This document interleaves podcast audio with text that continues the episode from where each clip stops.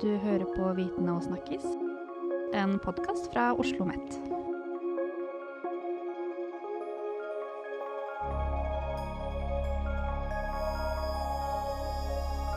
Hei, mitt navn er Julie Solund Jacobsen, og du hører nå på Viten og snakkes, forskningsformidlingspodkasten på Oslo OsloMet. Eh, denne podkasten tar for seg forskningsprosjektet Strength to Food og jeg sitter her med Gunnar Vittersjø. Vittersjø, er det sånn man sier det? Vittersjø? Ja. Vittersjø, ja. Um, velkommen. Takk. Um, uh, du har jo vært med på et ganske stort forskningsprosjekt om et tema som er veldig i vinden for tiden. Uh, som vi skal ta for oss i denne episoden, nemlig uh, bærekraftig mat. og aller først, før vi hopper inn i prosjektet og dypdykker litt, hva er egentlig bærekraft? Ja, Bærekraft, da vil jeg, eh, for å definere det, så vil jeg gå tilbake til eh, den såkalte Brundtland-rapporten, Vår felles framtid, som kom i 1987. Som definerte bærekraft som en utvikling eh, som eh, skal dekke dagens behov, uten at det skal gå på bekostning av eh, framtidige generasjoners behov. Eh, så det begrepet inneholder tre dimensjoner. Både en sosial dimensjon, som er denne rettferdigheten mellom generasjoner, og også rettferdighet uh, mellom her og nå, i, globalt, kan du si, mellom oss i den rike delen av verden og, og den uh, ja, mindre utvikla delen av verden. At, at uh, ressursene skal være rettferdig fordelt. Og så er det en miljødimensjon som går på det med, med at vi ikke skal overutnytte klodens ressurser. Og så er det da den siste som er en økonomisk dimensjon, at, at det også skal være bærekraftig eh, utvikling økonomisk sett.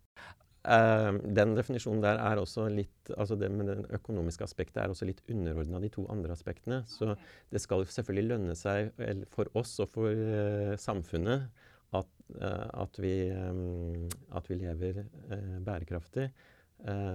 og vi kan på en måte ha en økonomisk vekst, men den skal ikke være på bekostning av naturen eller rettferdig fordeling, prinsippet om rettferdig fordeling. Eh, for da, når vi da har fått det eh, konstatert, da, så er det tilbake til da forskningen. Fordi dette prosjektet, som heter Strength to Food, har gått over fem år, fra mars 2016, og omfattet elleve EU-medlemsland, eh, fire land og fire land utenfor EU. Og selve prosjektet er koordinert av Newcastle University i Storbritannia. Og i tillegg til forskerne i disse landene, så er det også aktører fra matindustrien med, så dette er jo et ganske stort prosjekt. Og det tar for seg to hovedtemaer innenfor bærekraft, og det er kortreist mat og matmerking.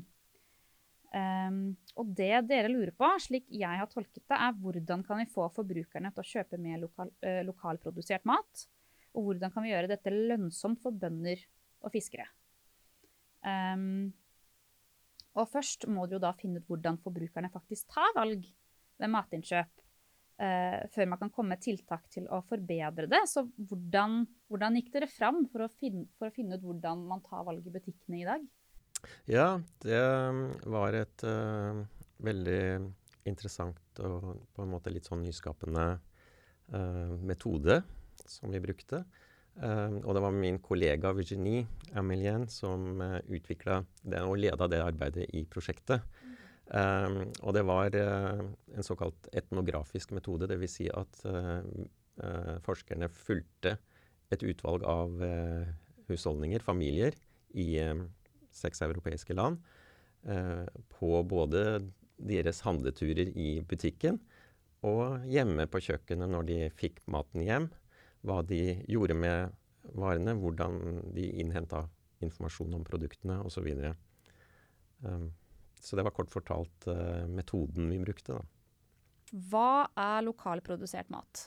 Um, ja, um, lokalprodusert mat er uh, sånn som uh, vi har definert det i prosjektet, er mat som er produsert innenfor en viss avstand fra der hvor vi som forbrukere spiser det, kjøper det. Uh, og så er, har det også å gjøre med i hvilken grad det er en nærhet mellom produsenten og forbrukeren. At uh, det gjerne er omsatt på en måte som uh, har få mellomledd. Sånn at det er en direkte kontakt mellom mellom eh, forbruker og produsent. Og hvorfor burde vi eh, kjøpe mer lokalprodusert mat? Det er mange grunner til det. Um, og mange, de vi har snakka med, sier jo det at de, de gjerne vil støtte uh, den lokale bonden, eller fiskeren. Uh, det gir en egen verdi. Um, du vet kanskje litt mer om uh, hvordan maten er produsert. Fordi kanskje du har en slags kjennskap eller tilknytning til, til det området som maten er produsert i. Men finnes det noen ulemper med det? Med kortreist mat? Det eneste er jo kanskje at uh, det, den kan være vanskelig å finne og lokalisere. da, Og du må kanskje bruke litt tid. Uh, og kanskje reise litt rundt for å, for, for å finne de produktene du, du, ønsker. Så det er jo noe som kanskje kan, man kan og som vi i prosjektet også var opptatt av at skulle styrkes og forbedres. Altså rett og, rett og slett den tilgjengeligheten av det som som er, er, er, rundt der. Og kanskje omfanget av hvor mye de har mulighet til å produsere òg, ser jeg for meg. Ja, uh, gjerne det. Hva, hva, man kan produsere lokalt også. For nå i, i dag så er, er landbruket, og for så vidt også fiskeriet, så veldig spesialisert at man ja, Når det gjelder fiskeri, så fanger man noen arter som på en måte er kommersielt salgbare. Det fins mer der ute. Det fins et mer mangfold, og det gjelder også i landbruket. at uh, produsenten selv og områdene er veldig spesialisert på noen få produksjoner. og det, det man ønsker å styrke gjennom, å, å, gjennom uh, å støtte opp under lokalproduksjon, er jo også å få et mer mangfold. Um, og uh, maten de valgte, var jo også veldig stor interesse for dere. Fordi det for, eh, det er forskjell på mat som er kjøpt som er laget nærme, og mat som kjøpes som er laget langt vekk. Hva er forskjellen på hvor, hvor mye mer bærekraftig er det å kjøpe mat som er laget nærme en selv? Ja, da er vi tilbake til uh, de tre dimensjonene av bærekraft igjen. Uh, og uh, hvilke hensyn du vektlegger. For det kan også være litt sånn motstridende hensyn når det gjelder de ulike aspektene ved bærekraft. Eh, og det er ikke helt enkelt å bare sammenligne eh, det vi kan kalle kortreist mat med, med det du kjøper som kanskje da har reist en lengre tur og kanskje er importert fra utlandet osv. Så, uh, så det avhenger av hva, hva, man ønsker å legge vekt på. Um, men det viktigste aspektet ved, ved, det som angår det å handle direkte fra produsenten, og det som både bonden eller fiskeren og forbrukeren legger vekt på, det er egentlig det sosiale aspektet. At uh, man kommer nærmere for forbrukeren. Du kommer nærmere produksjonen. Du, du har en større gjennomsiktighet i forhold til uh, Du skjønner mer hvordan produktet er produsert, og du stoler derfor også mer på, på uh, det du kjøper. og for, for bonden, så, eller fiskeren, så er dette her med å ha den direkte kontakten med forbrukeren veldig viktig, for det gir dem tilbakemeldinger i form av uh, hva, hva, forbrukeren ønsker, setter pris på, og som gir på en måte også en veldig inspirasjon og, og for dem i, i, måten de velger å produsere maten på. Og det mister man litt hvis det er veldig lang avstand mellom forbruker og produsent? Ja, du mister veldig mye. Ikke bare den sosiale kontakten, men også for forbrukeren og for så vidt også for uh, produsenten. Så mister du også en del kunnskap på veien. Um, og det, det, har en stor konsekvens for måten vi forbruker mat på egentlig da. Som også har eh, bærekraftsimplikasjoner, for å si det sånn. Mm. Uh, men angående da lokalprodusert uh, mat, hva, uh, hvor går grensen på hva som er lokalt og ikke lokalt? Ja, det er også et godt spørsmål.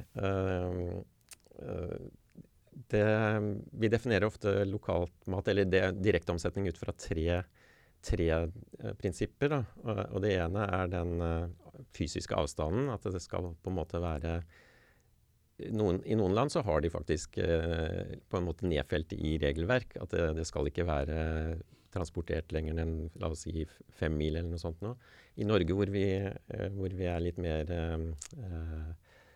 spredt befolka, så er, er, sånne type avstands, geografiske avstandsforordninger litt, uh, litt uh, vanskeligere. Så her, her, defineres det ofte ut ifra en region. At, at en lokalmat ofte forstås som f.eks. For produsert i, i Oslo-regionen, for å ta, ta, det som et eksempel. Um, og så er det den uh, at det skal ikke være for mange ledd mellom produsenten og forbrukeren. Så gjerne ikke mer enn kanskje ett mellomledd. da. Hva er eksempel på et sånt ledd? Et sånt ledd kan være en lokal butikk, f.eks. At bonden leverer til en, eh, en lokal butikk. Eller uh, f.eks. en fiskebutikk som har et fiskemottak. Så leverer fiskeren Eh, på mottaket, og så selges det videre direkte til Men en sånn, si en verdikjede hvor det er mange ledd.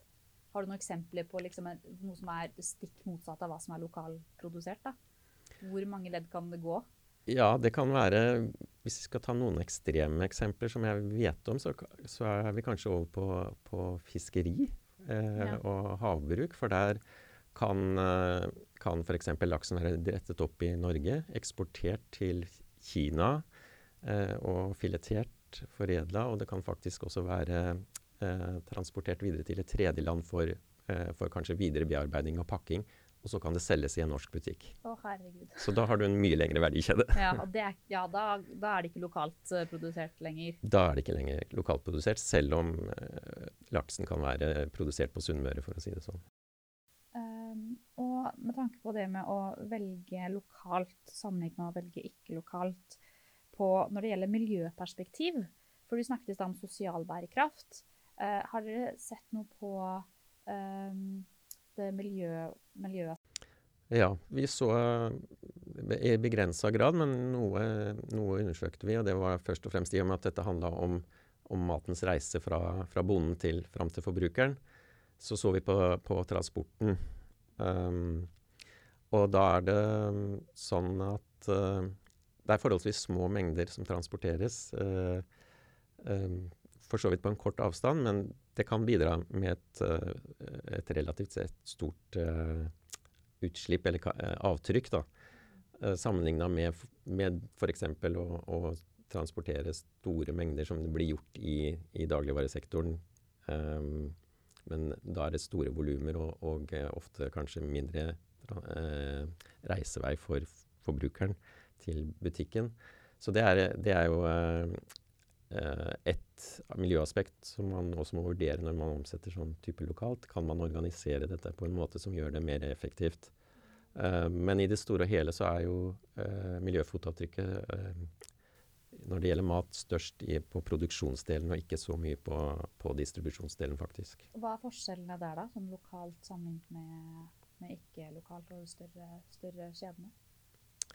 Uh, har, jeg har ikke akkurat noen sånne størrelser på det. Det har jeg ikke uh, her, her, og nå, for å si det sånn. Men, uh, men det, det, blir på en måte et mindre avtrykk i distribusjon enn en, en produksjonen. Um, men et poeng her er jo på en måte at at distribusjon lokalt fører til eh, har jo, en, har jo flere aspekter ved seg.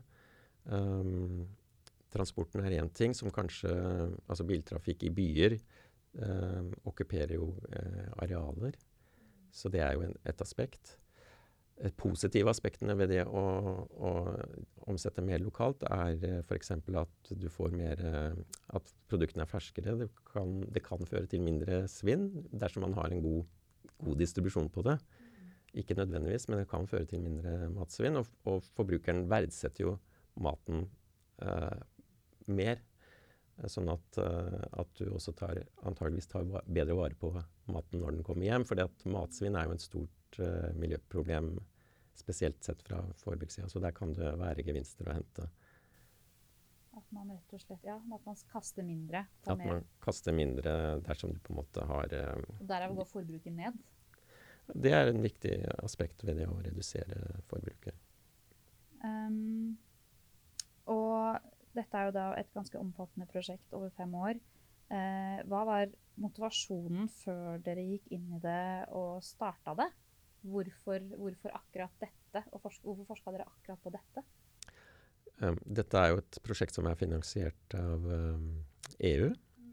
Uh, EU har jo et stort forskningsprogram, og, og, de er på en måte oppdragsgiver. Så det oppdragsgiveren ville, var å, uh, å, få kunnskap som kan styrke politikken på dette området.